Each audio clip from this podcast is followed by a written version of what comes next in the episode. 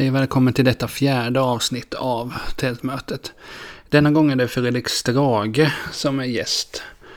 Eh, och det är väldigt kul att han tog sig tid och vi snackar om musik naturligtvis och lite Hoods fred och sådär. Eh, ja men ett spännande och kul avsnitt eh, med mycket skoj hoppas jag. Det var ett speciellt avsnitt för mig då jag har läst Fredrik Strage i så länge jag kan minnas. Eh, så jag hoppas att jag, ni ändå tyckte att jag gjorde ett helt OK jobb. Eh, jag ska inte hålla er på halster längre. Eh, det är dags för Fredrik Tack för att ni lyssnar och så hörs vi snart igen.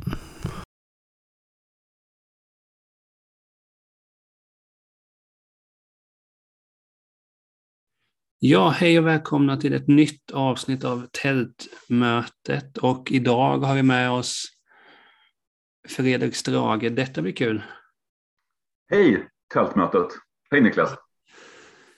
Jag bara tänkte om den heter Tältmötet eller Tältmöten. Ah, sak samma. Eh, kul att du är här i alla fall. Kul att vara i ett tält. Ja. Det är inte alla gånger man får vara det, men eh, ibland händer det. Hur kommer ni på namnet till podden? Det, var, det hade ju varit kul om jag själv hade sagt att det bara var mitt förslag. Eh, men det var det inte. Det, var, det, det är två olika vänner till mig som hävdar att det var de som kom på det, men i och med att det heter Tält i efternamn så tänkte jag så här först, ja, Tältprojektet, ja, men det är ju snott och Nationalteatern och det där. Eh, så var det någon av dem som sa, men ja, men kör på tältmöten eller tältmötet. Och så kände jag först att bara, men, ah, lite, det är inte så kul namn, men sen var det bara det jag hade och då fick man köra på det. Det känns som det sätter sig mer och mer. Så kul det kan vara. Vibbar av det. En del frikyrkor brukar väl ha tältmöten? Ja, det är lite det också. Lite den grejen man... Det, är någon drift med det också där. Så kom och lyssna på mig och nu ska jag tala till er och du vet hela den grejen. Men lite sådana vibbar är det ju. Det går ju inte att komma... Jag börjar tala i tungor om en stund då? Ja, det är kanske det som är målsättningen. Nej, men som sagt, jag är väldigt peppad för det här och det har eh, känns som jag hade kunnat sitta och spela in bara en podd med frågor kring eh, kring ditt värv och så är det väl lika bra att man får ur sig det direkt att det i mångt och mycket är ett stort, stort fan av det du gör. Så om man förhåller sig oprofessionell så, så får jag skylla på att man är en supporter. Otroligt gulligt, tack. Ja, det, det är ingen fara.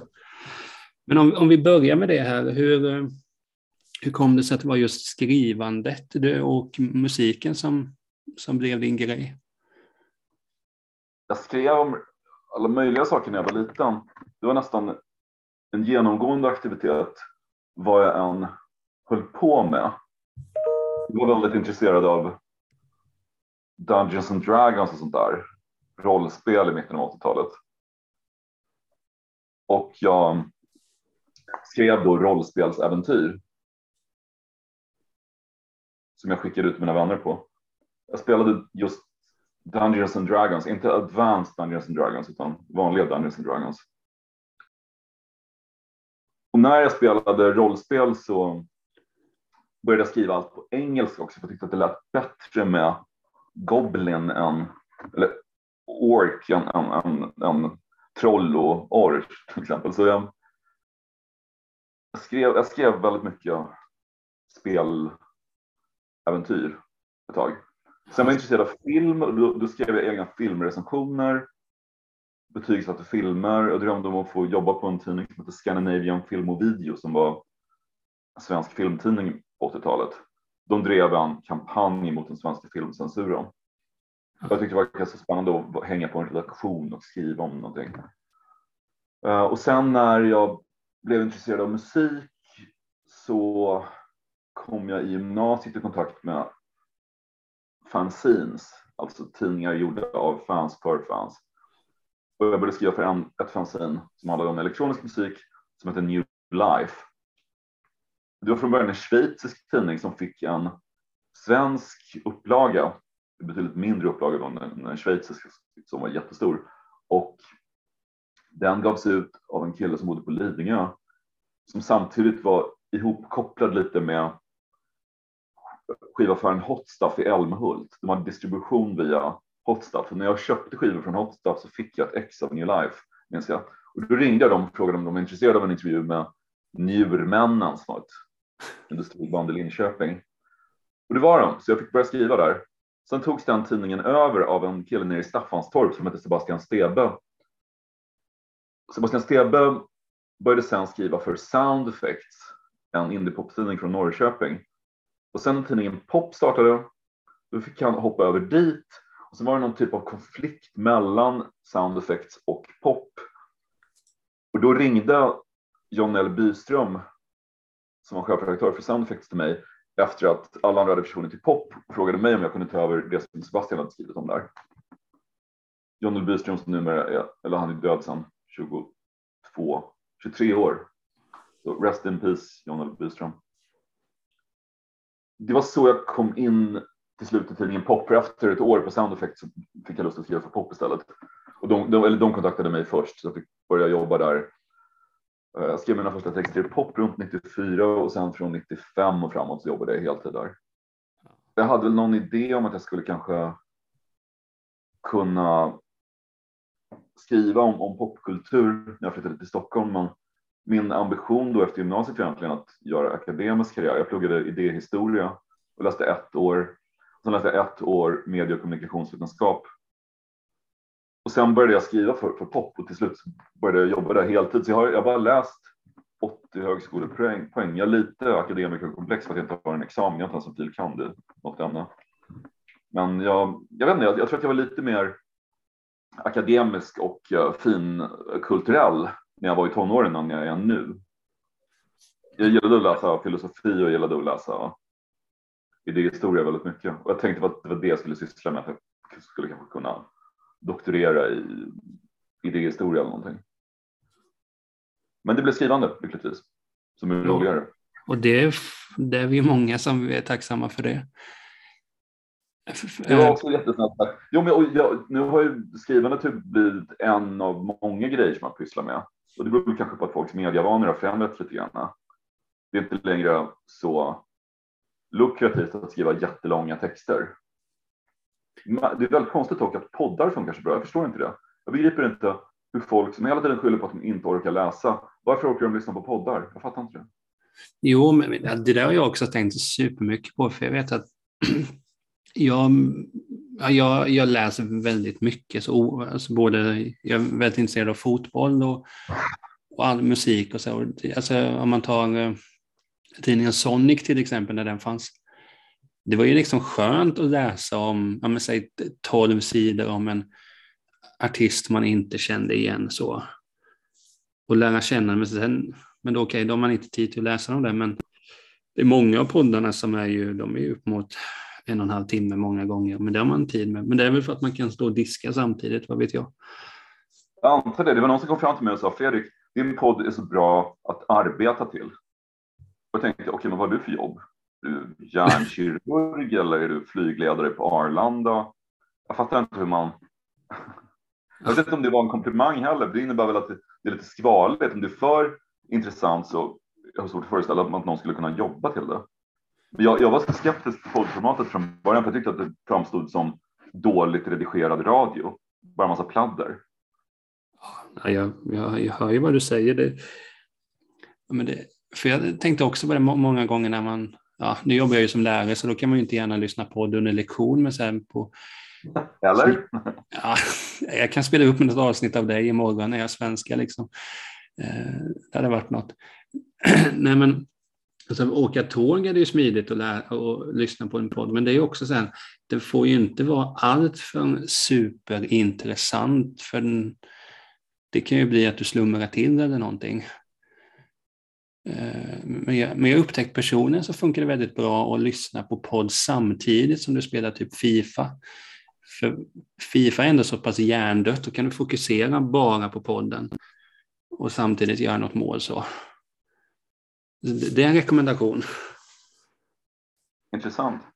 Ja, enda, enda tv-spel jag har spelat är GTA i flera olika varianter. Men det brukar sluta med att jag inte egentligen utför några uppdrag utan bara kör runt, cruisar runt i en stor bil och lyssnar på radio, för det är så bra radiokanaler i det spelet. Ja, det är extremt bra.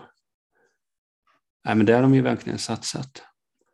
Men det, eh, när du gick igenom din, din karriärbana där så är det, det är så mycket som blir intressant och jag har länge känt att just den här tiden med pop som du nämnde, att det hade varit så, alltså, nu kan, vet inte jag exakt alla som har jobbat där, men Anders var väl någon sorts chef över allting, Anders Locko. Jag brukar säga att han var chefsideolog. Han var dock inte den som faktiskt tog de flesta kreativa besluten. Aha. Hans, hans åsikt var extremt viktig och han hade veto, definitivt. Men den som var den egentliga faktiska chefen och bestämde exakt vad vi skulle göra var Pietro Maglio. Och när det formen så, så var det Stefania Malmsten och Lasse Sund. Ja. Som förstås är extremt framgångsrika formgivare. Sen dess, Pietro Maglio driver ett bokförlag nu som heter Modernista. Men det var, det var Pietro som framförallt läste enorma mängder internationella tidningar. Ja. All, alla musiktidningar, rubbet. Han läste allt, han plöjde allting. Och han fick hjälp av, av, av oss andra också att göra det. Och på så vis kom han på att hörni, vi, det finns ett nytt franskt band som heter ut en singel, de kallar sig för Daft Punk. Det här borde vi göra något om. Eller, det var i och för sig, jag tror att det var Andres idé, att det finns ett nytt band på Creation, två bröder från Manchester som heter Gallagher efter dem. De kallar sig Oasis. Och de verkar jättebråkiga och stökiga och och, och det är rolig popmusik. Det borde vi skriva om. Ja. Men, men framförallt Petro, han, han var väldigt, väldigt, väldigt bra på att hitta saker som sen exploderade och blev gigantiska. Så vid, vid väldigt många tillfällen intervjuade popband först av alla medier utanför Storbritannien. Det handlar ju mycket om England på den tiden. Det här är ju då från mitten av 90-talet fram till millennieskiftet ungefär. Så, så britpopen var gigantisk och vi, vi var först med väldigt, väldigt många artister, framförallt från England. Ja. Stefania, Stefania Malmsten bodde ju i London under den här perioden. Vi hade också en egen fotograf i London. Så det var en viktig grej att få egna bilder på artisterna. Vi slet ganska hårt med att få exklusivt bildmaterial så att om man öppnade Pop skulle man inte se samma fotografier som fanns i eh, Expressen Fredag eller i um, Café eller Slits eller vilken annan tidning det nu var. Ja. Utan det, det skulle vara unikt bildmaterial. Det gjorde också att vi ibland tackade nej till uh, bilder på artister om de kom från skivbolaget. Men, en gång skulle jag intervjua Depeche Mode. Det var när Depeche Mode gav ut Ultra. Mm. Och uh, vi hade ett redaktionsmöte om det och andra satt bara och trackade mig och sa, men Fredrik, stick tillbaka till Arvika, please. Alltså syntgoffestivalen i Arvika.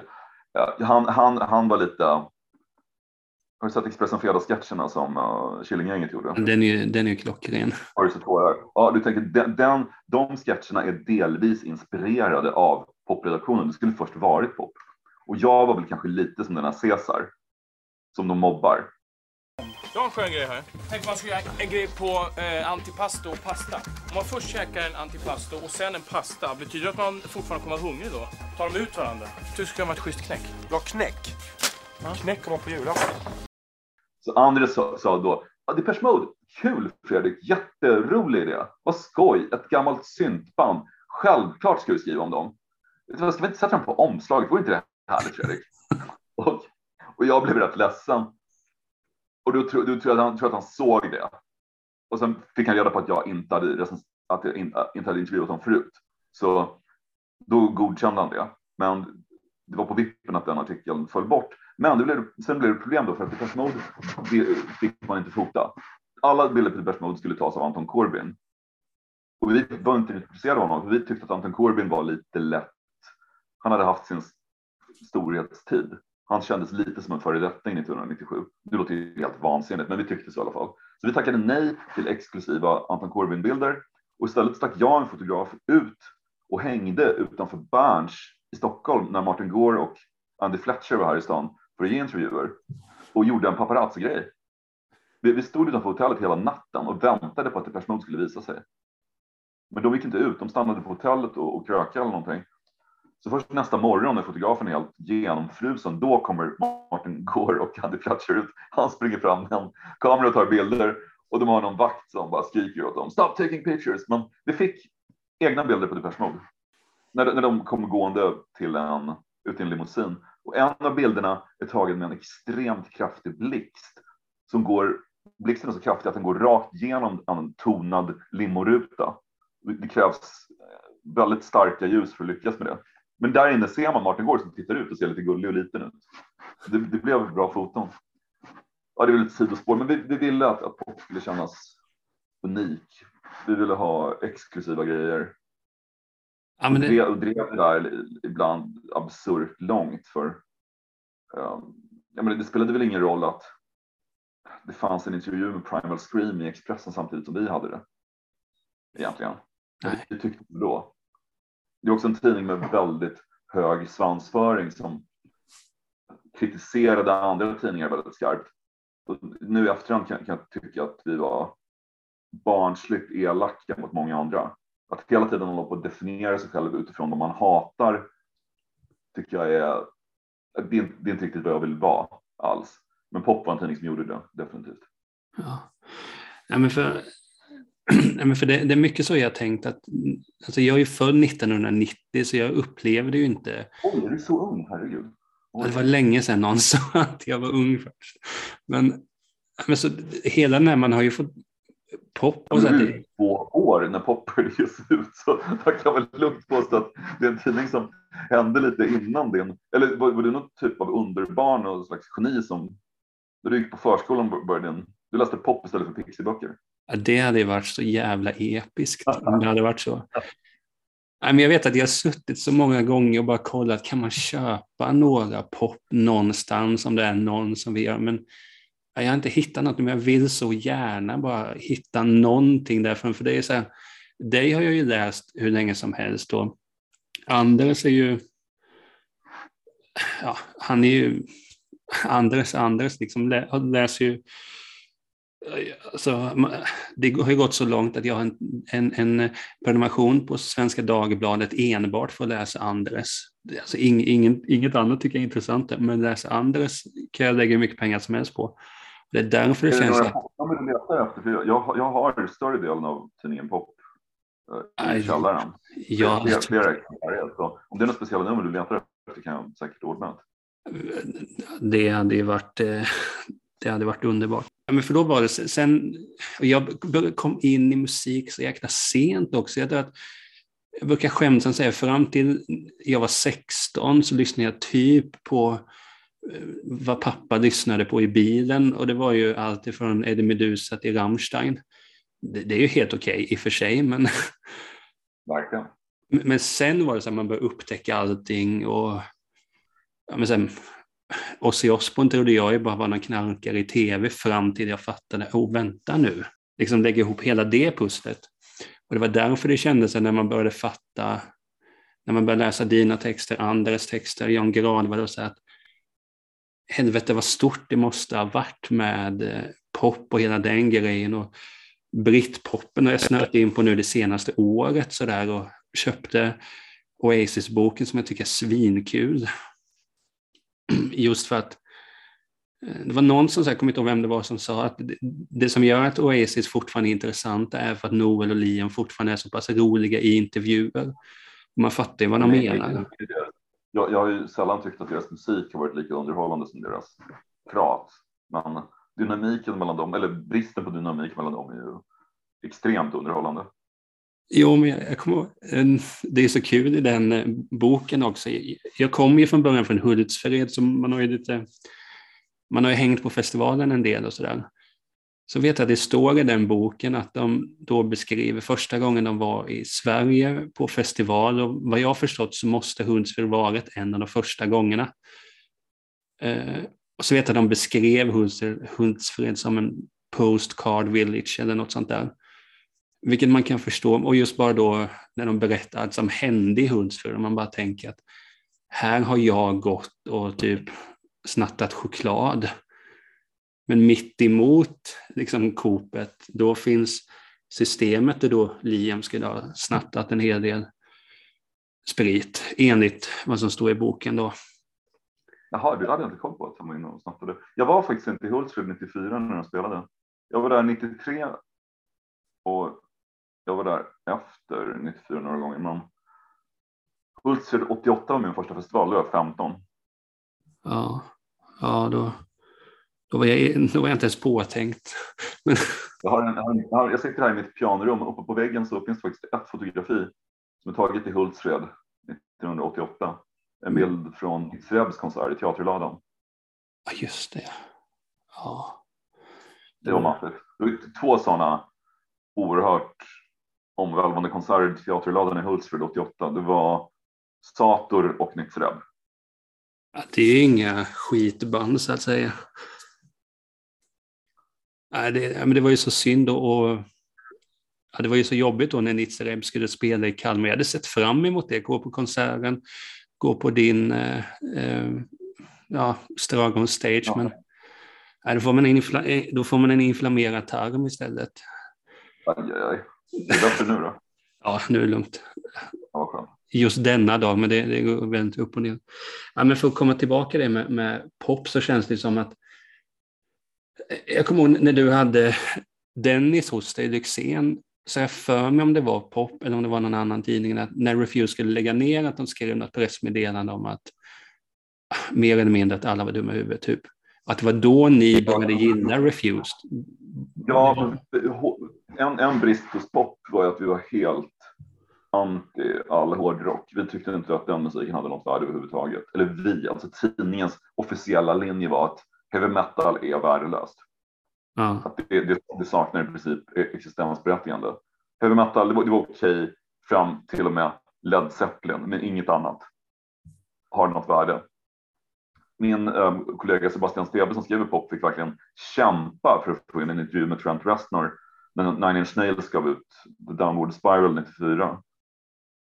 Och uh, jag vet att det var någon tjej som skrev om, som heter Ulrika D. Andersson som recenserade hårdrock i de första numren. Men hon fick sluta sen, så det var ju en, det var som en blind fläck. Vi, vi skulle vara, tidningens officiella linje var att vi var definitivt emot all typ av grunge. Nomads var okej, okay, svenska garagerockbandet. Uh. Sator var inte okej, okay, enligt pop. Um, Red Hot Chili Peppers absolut förbjudet. Vilket jag kan förstå. Pearl Jam absolut förbjudet. Nirvana okej, okay, men inga andra grungeband överhuvudtaget.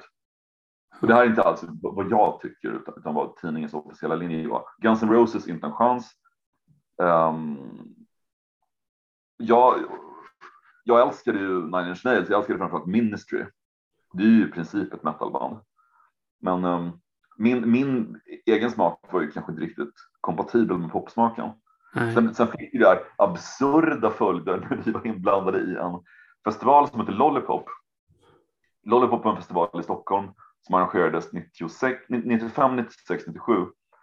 Och det skulle vara egentligen tidningen Pops egen festival, men vi gjorde den tillsammans med Håkan Waxegård, Hultsfredsfestivalens grundare, eller en av grundarna. Han hade hoppat av Hultsfred och startade den här konkurrenten uppe i Stockholm med oss. Och något år så skulle vi bestämma vilka som skulle spela. Och då hade Håkan Waxegård fått ett bra erbjudande, ett ganska lågt pris på Aerosmith. Aerosmith var gigantiska för de hade haft en hit i filmen Armageddon. Just det. Den här uh, Don't wanna miss a thing. De hade gjort den, så de var ett av världens största rockband igen. Och han hade fått ett bra pris på dem och då ligger tidningen Pop in ett veto och säger att vi vägrar jobba med festivalen om vi bokar Aerosmith. Inte en chans, aldrig i livet. Och vi sa att ja, Aerosmith är ju helt värdelöst. Det vi behöver, det vi ska ha för att göra en bra festival, det är staple singers en gammal gospel soulgrupp som leddes av Pop Staples. Han var väl i 80-årsåldern redan då. Och de andra medlemmarna var i 50-60-årsåldern. Alltså mm. gamla gospelpensionärer. De betalade vi en förmögenhet för att flyga över. Och hävdade att det, det här är så, det är så hippt. Här är så hippt. Uh, Staple Singers. Och festivalen gick ju med förlust förstås för att Aerosmith hade ju dragit en jättepublik. Men vi insisterade på att det var Staple Singers. Jag kommer ihåg så väl den debatten. sen, sen bokade ju pop David Bowie och Bob Dylan och sånt också, så det, det kom ju folk. Men det var Pops snobbighet som till stor del drev den festivalen utför ruinens brant. Men var det inte, det var väl på Lollipop som Killinggänget körde hela den här Expressen Fredag.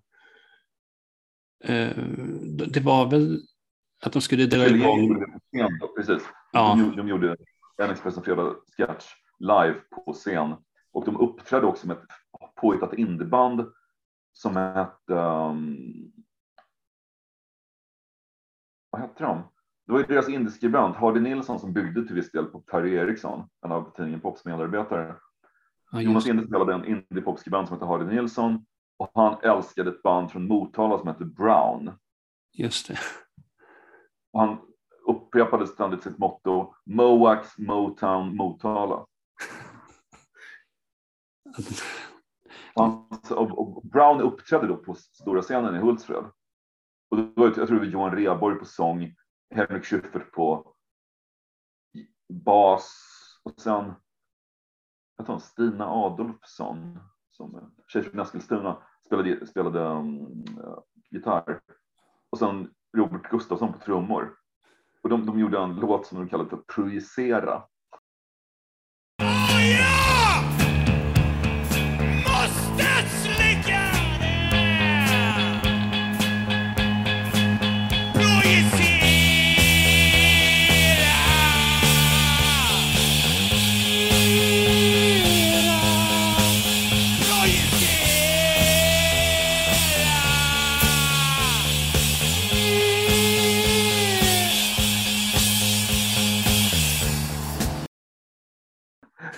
Lite så här Kent-parodi.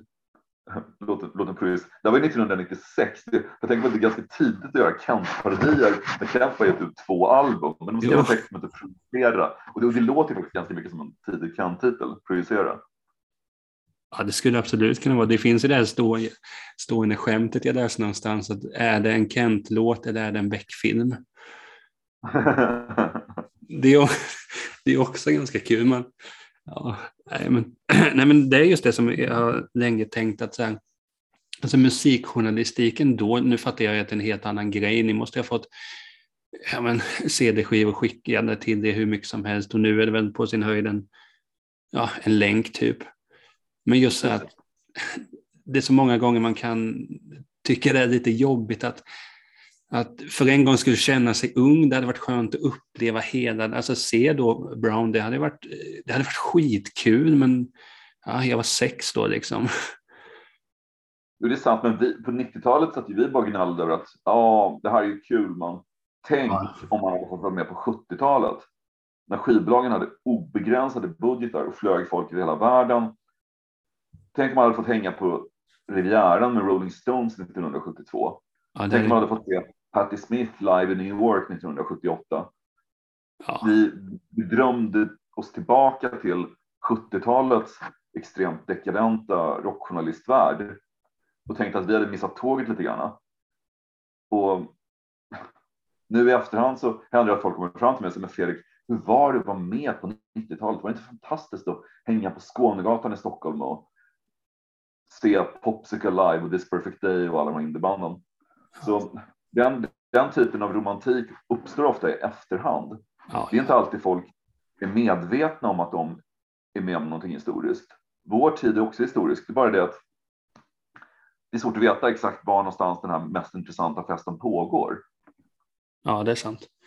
Det är, väl en, det, är en, alltså det är en del av skärmen också, att man ska tänka just det, varför var vi inte Stones och Hundsfjord? Alltså det, det ska ju vara så, det är därför det är skönt att kunna ja, men, läsa böcker om det eller vad det nu kan vara.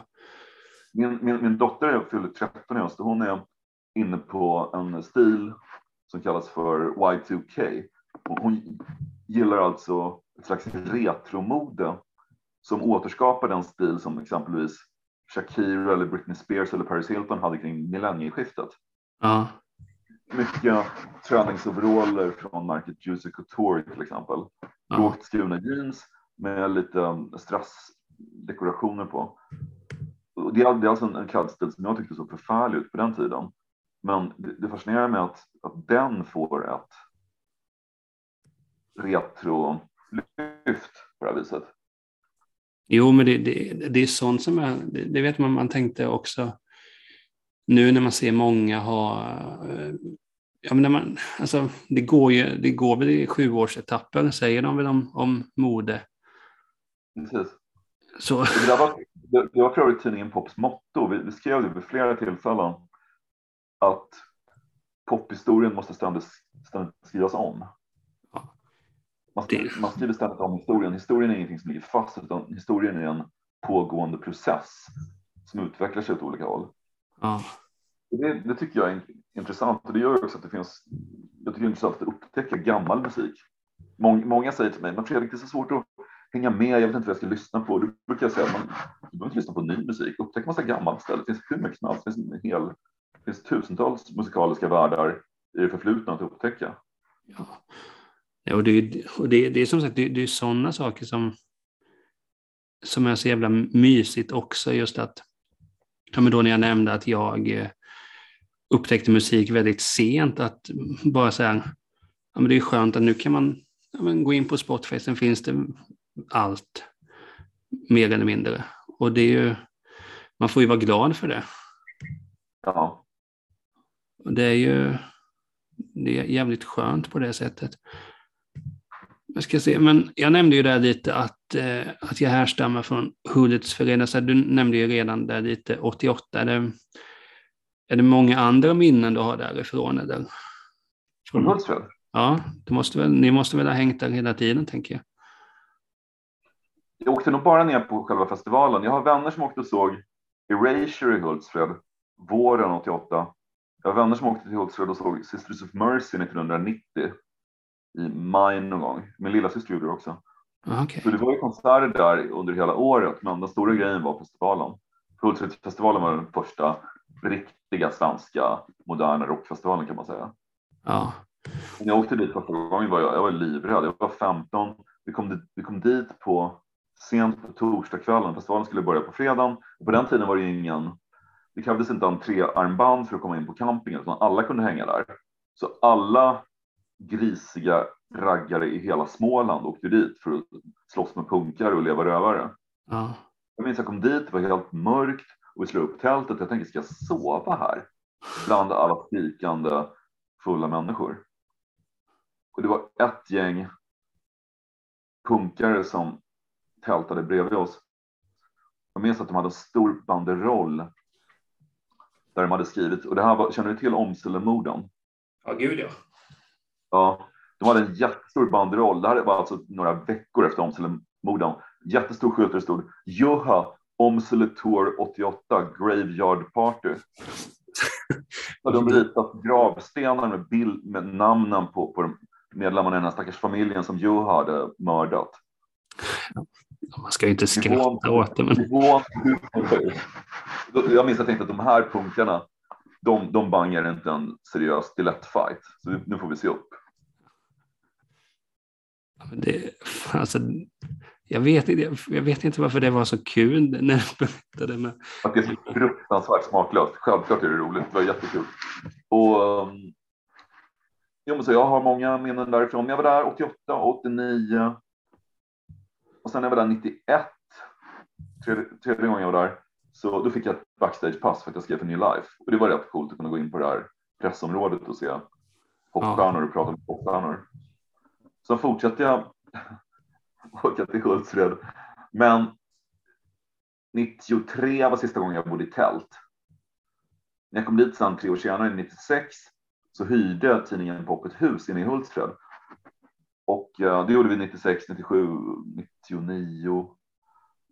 Och jag minns 97 när vi hyrde det här huset. Vi fick hyra det av Håkan Waxegård. Han ägde flera hus inne i Hultsfred. just det. Bland annat ett som låg precis intill stationen i Hultsfred. Och det, det, var, det, var, det var en, um, kubformad byggnad med en lägenhet i bottenplanet och en lägenhet i ovanplanet och vi hade den i ovanplanet. Och det såg ut som en mamma bodde där med sina två barn. någon dotter som var kanske 11-12 tror jag, hennes rum var fullt av Backstreet Boys-affischer. Backstreet Boys var väldigt stora just då. Så vi, vi sov i det rummet och sen satt vi på taket i det här kubformade huset och drack öl och liksom kastade flaskor och bara levde rövare på kvällen. Ja. Vi, vi satt där och drack Jägermeister minns jag. Och då sen, för vi, vi tänkte också, undrar var, var är den här familjen någonstans? Det fattar vi inte. Har de stuckit från stan då för att hyra ut det till oss? Eller har, har Håkan Waxegård sagt åt dem att nu måste han, de maka lite på sig? Så i alla fall, men sent på kvällen hör jag alltså någon som säger mamma, jag fryser. Och tittar jag ner i trädgården och ser att familjen tältar på gräsmattan.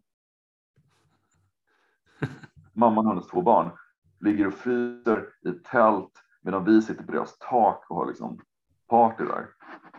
Det, kändes etiskt lite tvivelaktigt. Vi föreställde oss att de hade blivit för tillfället vräkta av Håkan Waxegård så att massa röjiga rockjournalister från Stockholm skulle komma ner och bo i deras hus. Och... Det är extremt kul. Ja, just det här, mamma jag fryser, jag fick lite dåligt samvete. Jo, men, ja, men det förstår man ju. Jag ska se. Nej, men för det, det är ju... Men det, och det är just det, det kommer jag ihåg när, när du, när du sa där att eh, när man fick gå in backstage, jag kommer också ihåg att pappa jobbade som eh, ja, men säkerhetsvakt.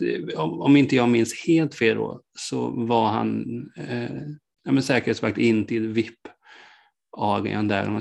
Så kommer jag ihåg att jag spelade fotboll med Latin Kings. Detta måste ha varit 2002, 2003 där någonstans. Det var någon som släppte om ett album. Vad sa du? Du fick spela fotboll med Latin Kings. Det var ofta fotbollsmatcher. Jag tror att uh, Blur har spelat fotboll i Hultsfred. Primal Scream också. Ja, men det, det, det, ja, det, det, det känns som så här, det, alltså på den tiden man hade ju inte koll sen, ja, nu var det, pappa jobbade ofta nattpassen, det var, det var inte så att man drog med en åttaåring då och skulle stå och jäcka där när man hade skola kanske, nej det, den hade ju slutat. Ja, men då kommer man fick spela fotboll med, med Dogge och dem och så frågade Dogge bara på ja, men sitt sätt, ja, men har du köpt nya plattan sådär? Ja, jag har den hemma. Den är skitbra, säger jag, tio år, jag är tolv år gammal och eh, jättenervös och glasögon och knep på nästippen bara för det är coolt att se en kändis. Gick jag bort till mamma och hon frågade, ja, men hur, hur gick det? Var det kul eller? Ja, men du, när jag fyller år, jag måste få det här albumet för det har jag lovat Dogge nu. Så sen jag fyllde år en månad senare så fick jag det albumet. Fantastiskt. Ja. Men det, det, men det är också det man tänker just med, med journalistiken. tänker jag att, alltså, om man tänker att hur det skiljer då från nu, att på den tiden, om vi tänker 90-talet, det fanns ju jättemycket festivaler och det var inte bara Hundsfred som var stora, det var ju, ja, Peace and Love kom väl något senare, och Lollipop och alla de här, men jag tänker, hur var, vad är den största skillnaden mot att vara musikjournalist på, om vi tänker 90-talet jämfört med idag? Musikjournalistiken hade en viktigare funktion då. Eftersom det var dyrt att köpa skivor så var det ett så pass stort beslut att du ville verkligen rådfråga experter. Är det värt att köpa den här skivan? För om den inte var bra så var det som att du hade kastat 140 kronor i sjön. Ja. Det var, det var ett stort beslut att köpa en skiva. I alla fall om man var tonåring och hade begränsat med pengar. Nej, för, det, för det är lite det, fanns ju lite det man känner. På, medan, nu har ju väldigt många tidningar uh, bantats ner så att de nästan knappt finns i fysisk form. Och sociala medier har också gjort att folk läser allt mindre dagstidningar tyvärr och dagstidningarna satsar allt mindre på kulturjournalistik. Så det är klart att arbetsmarknaden har, har försämrats supermycket. Ja. Men det satt man och gnällde om på 90-talet också, att det var allt var mycket bättre på 70-talet. Så jag försöker akta mig för att vara för pessimistisk när det gäller musikjournalistikens utveckling. Mm. Jo, nej men alltså, alltså det, det hör ju till. Det är klart att man kommer ju alltid tänka så. Det var bättre förr, men sen samtidigt, ja, ja, finns ju fördelar, men, men att man tänker numera känns det som att ja, men man bara tänker själv att, eh, ja, men låt säga att man, att man hade varit 14-15 år. Och, ja, men du, man kan ju bara ta nu som ett exempel att det är klart att hade inte du skrivit om Kite hade inte jag upptäckt Kite och då hade jag haft ett favoritband mindre. Jag menar, så är det ju. Och, och det spelar ingen roll om, om man läser vem man läser som det gäller ju böcker, filmer, eh, allting. Men det är en del av charmen. Just Kite, där känner jag nog att jag faktiskt har haft ett visst inflytande för att många har börjat lyssna på dem. Samtidigt tänker jag så här, om, om det var sant, för folk säger till mig ibland, och Fredrik, du, har, du är en maktfaktor i musikbranschen i Sverige och folk lyssnar verkligen på dig. Och då tänker jag att, om, är det verkligen så? För om det var så, då skulle Kite vara Sveriges absolut största band och det är de verkligen inte. Nej, nej det är klart. Och jag har tjatat om dem nonstop sedan 2008. Så mm. frå, frå, frågan är hur, hur mycket folk lyssnar på mig egentligen. Jag har i alla fall gjort det, så det är minst en ja, som har gjort det. Det, det värmer att du har gjort det. Ja, men det, och det är också sådana saker som man tänker. Det, det är likadant när man... Ja, men jag nämnde det att man har följt Killegänget och Anders och så här. Och det är klart att mycket av musiken man gillar det kommer ju från vad han har skrivit i sina eh, texter eller vad som helst. Det är det som är det vackra. Jag menar, inte för att låta att klanka ner, men det känns som att musikjournalister på 90-talet var väl ja, någon mer intelligent nivå än vad influencers är idag om man ska hårdra det. På, så sätt med, med, inflytande och hela den biten. Det tror jag nog.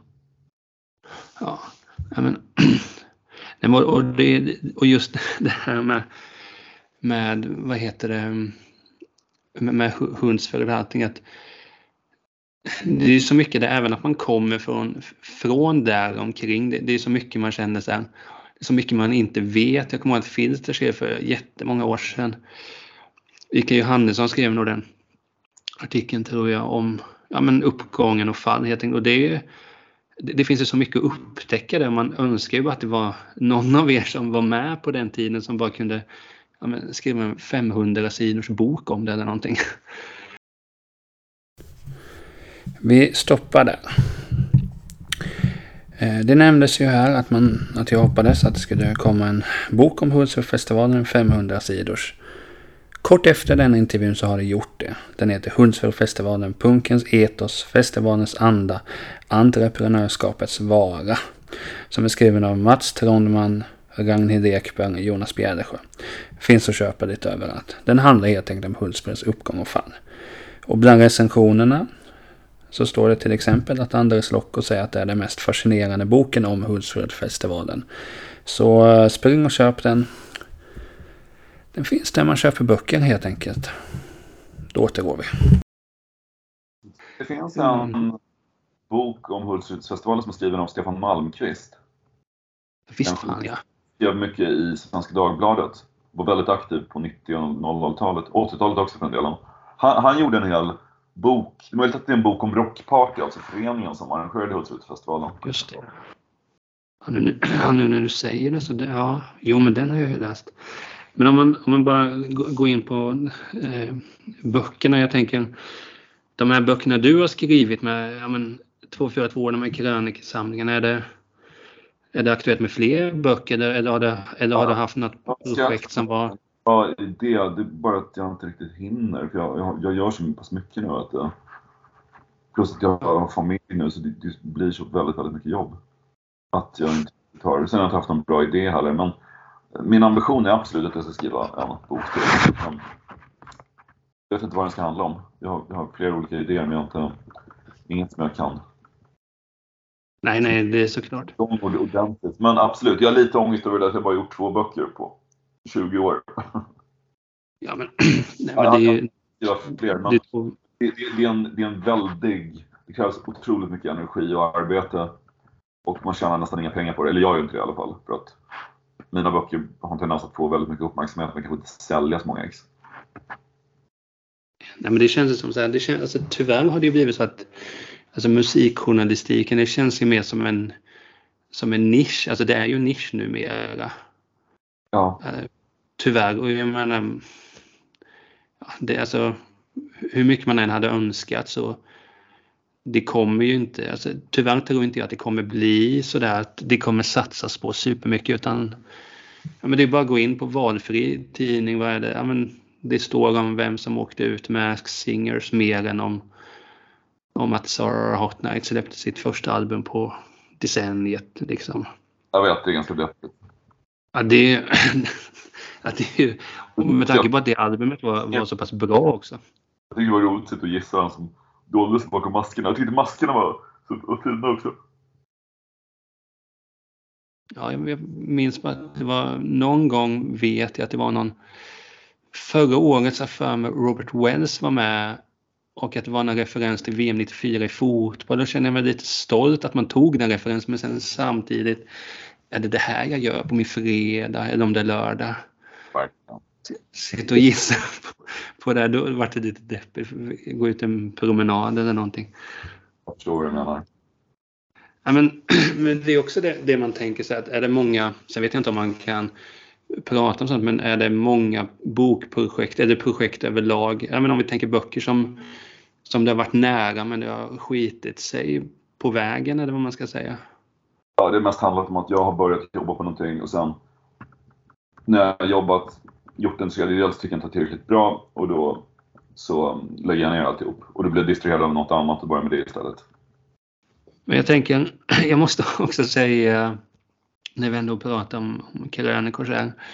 Det var, var det förra sommaren du skrev den här krönikan om, om att hovet var och jiddrade med dig på, Just på någon bar? Jag känner inte igen tyvärr.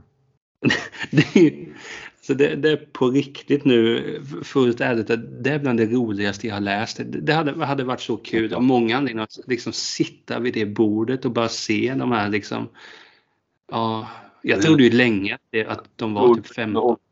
Det är oroväckande ålderstecken att jag inte känner igen Sveriges största popgrupp utan tror att det är random tonårsfyllon. Ja, men sen så, dels alltså, den, den aspekten kan vi ha, men sen samtidigt, det är ju någonting, ja men just att, ja men det var just bara sättet du beskrev att de gick fram och, ja, de kallade det, det var, de hade väl kallat det för bög och allt vad det var va? Ja, nästan. Det säger ju också en del om, om människors intellekt. Så nu ska vi gå och håna någon för att man kanske skriver någonting dumt om man tar, lägger fram Ja, och det, den typen av... av riktigt. Det hot, var bara vanliga fulla tonåringar. Alltså ingen. Det var någonting med det just att då kunde jag ändå känna gott samvete för jag hade ju också hört talas om att okay, det finns ett band som heter HV bla bla bla. Men jag visste inte heller vilket var. Då när man kände att, att du inte riktigt heller hade koll på det, då kändes det okej, okay, då ska jag fortsätta och inte ha koll på det heller. Så man kan säga att du räddade mig där. Bra. Jag vet att jag hade några elever då förra året som gillade bandet Hovet och jobbade i en sjätte klass och det säger väl ganska mycket om deras fans här 12-13-åringar. Du gav dem F i betyg allihop. Vad sa du? Du gav dem F i betyg allihop. Hovets Ja, gällande musiksmaken definitivt.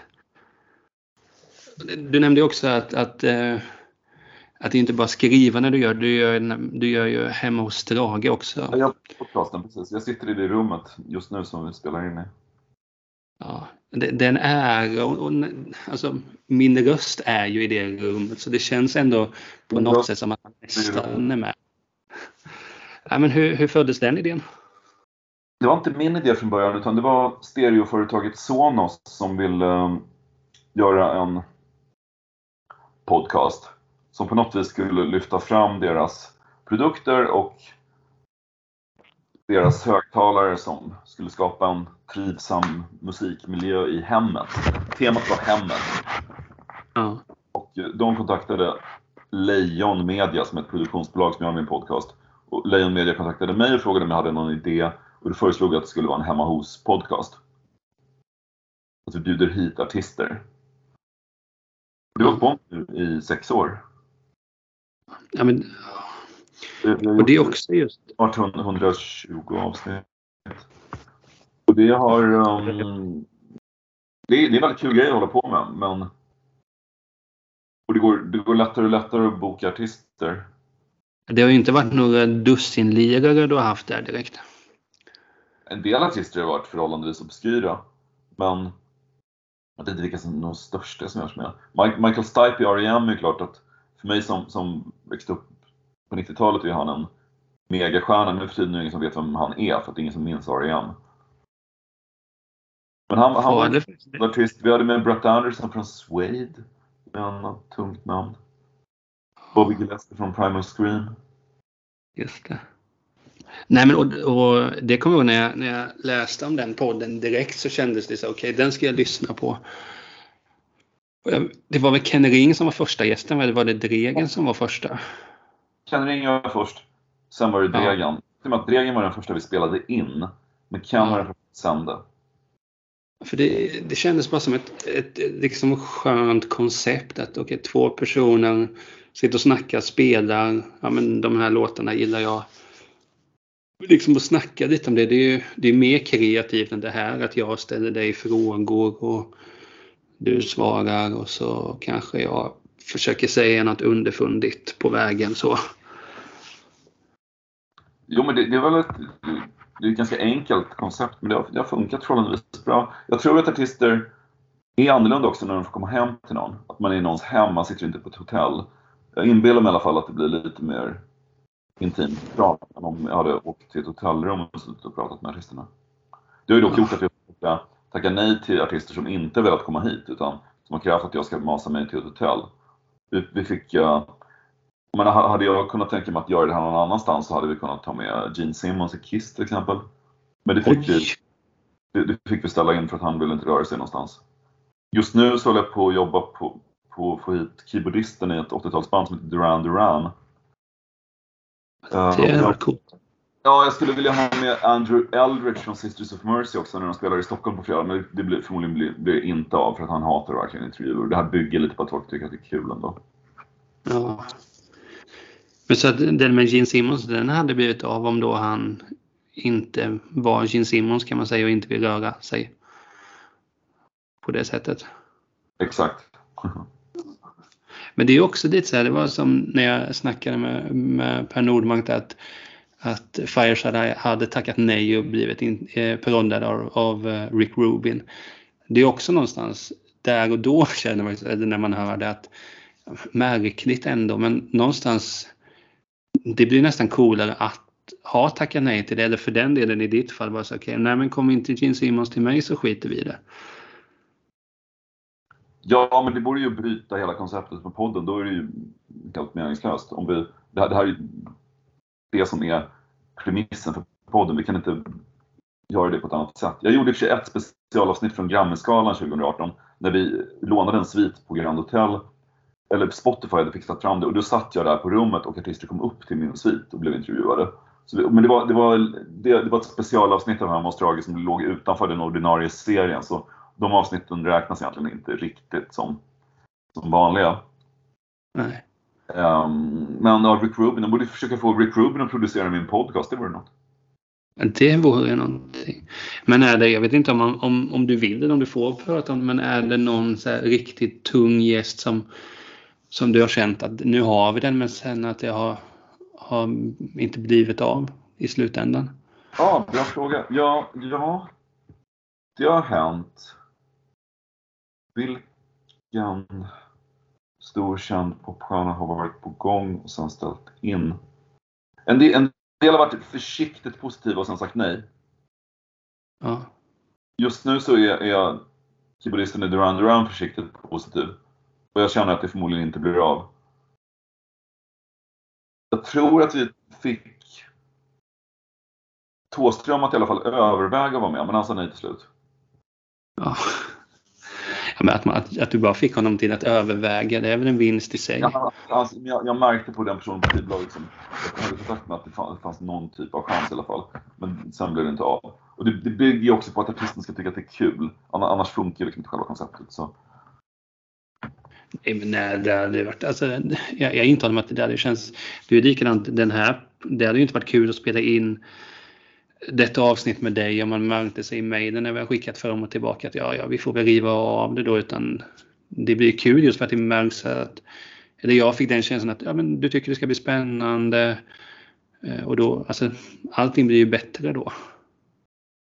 Ja, Precis. Det kommer ju Man bli bättre samtal. grundinställning. Sen det, det värsta är ju inte folk som är otrevliga, det värsta är ju folk som är tråkiga. Om folk kommer hit och är rena psykopater så, så funkar det rätt bra. Jag gjorde en, ett poddavsnitt med Michael Schenker, en tysk hårdrocksgitarrist som spelade Scorpions när han var liten. Han var, helt, han var ju på riktigt helt galen. Och jag, jag, bara, jag ville liksom att, att han bara skulle gå härifrån. Men han, han gick inte, han bara stannade och fortsatte gapa och skrika.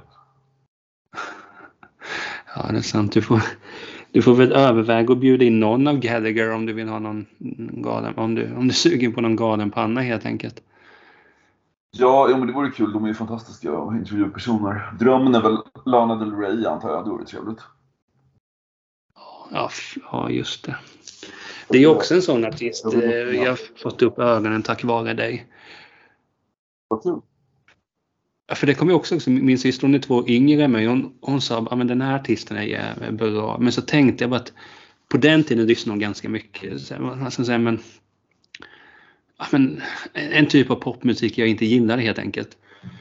Så när det tjatar, men lyssna den här låten. Ja, ja, jag ska.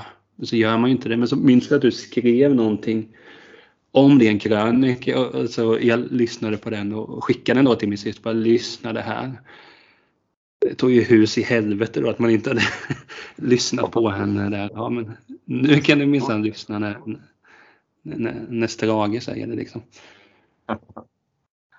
Men det, det som också imponerar sig när man tänker med, med alltså hur, hur hittar du all ny musik? Är det så bara att du sitter och kör Spotify? Det, det är alltid sånt jag är så imponerad av ni som skriver om musik, att det kan vara att ni har sån jäkla koll. Sen fattar jag att det är någonting som har pågått under lång tid, men som Wetleg till exempel, hur- upptäckte du dem? Jag hämtar nog den mesta informationen från olika tidningar på nätet. Pitchfork till exempel, Stereogum finns det en annan sajt som heter. Um, Metal Sax, den metal-sajten. Jag läser många tidningar på nätet. New Yorker, den tidningen. Till och med gamla musiktidningar som NME finns på nätet. Brittiska The Guardian. Kan vara där jag läste om Wet Leg första gången. Så jag, jag, Spotify har, har inte speciellt stor betydelse för mig däremot. Jag, jag tror att jag föredrar att få tips från andra journalister än från någon typ av algoritm som räknar ut vad jag har lyssnat på tidigare. Plus att det funkar inte riktigt för min dotter lånar mitt Spotify-konto. Så det blir kanske lite för um, mainstream pop att, du, att jag ska sitta och lyssna på det som Spotify föreslår för mig. Ja, det är klart. Nej, men det, nej, men det är så man... Det är klart att man föredrar ju mer om det är någon som vet ungefär vad man gillar som lägger fram något förslag. än- Jag minns att det var ju någon gång för många år sedan, sidospår, så vi, apropå Latin Kings, det jag tidigare, så hade jag lyssnat mycket på Latin Kings just ett par dagar. Minns jag att, att det kom upp som algoritm att du, du kanske kan gilla Ultima Thule. Det är inte riktigt samma sak. Så att den där algoritmen ska man ju inte lita på fullt ut. Nej, det ligger nog något i det. Ja. ja, men det var nog faktiskt att jag hade eh, Fredrik där. Kom med dig Niklas. Vad sa du? Roligt att prata Niklas. Verkligen. Ja, det var skitkul. Och Du får komma fram och säga hej om, om, vi, om jag är i Kalmar eller något, eller om du är i Stockholm, om vi råkar ses någonstans. ja, ja, ja, absolut. Jag ska ju åka. Eh, ja, det blev ju ingenting av den här Stragan Stage här i Kalmar, men turnépremiären i Örebro dyker ju upp. Är det sant? Jag, jag ska ju faktiskt även till Hultsfred. Ja, det är inte omöjligt att jag åker dit. Hulingen. Jag vet inte om du hänger mycket där. Men eh, jag hoppas vi ses då. Verkligen.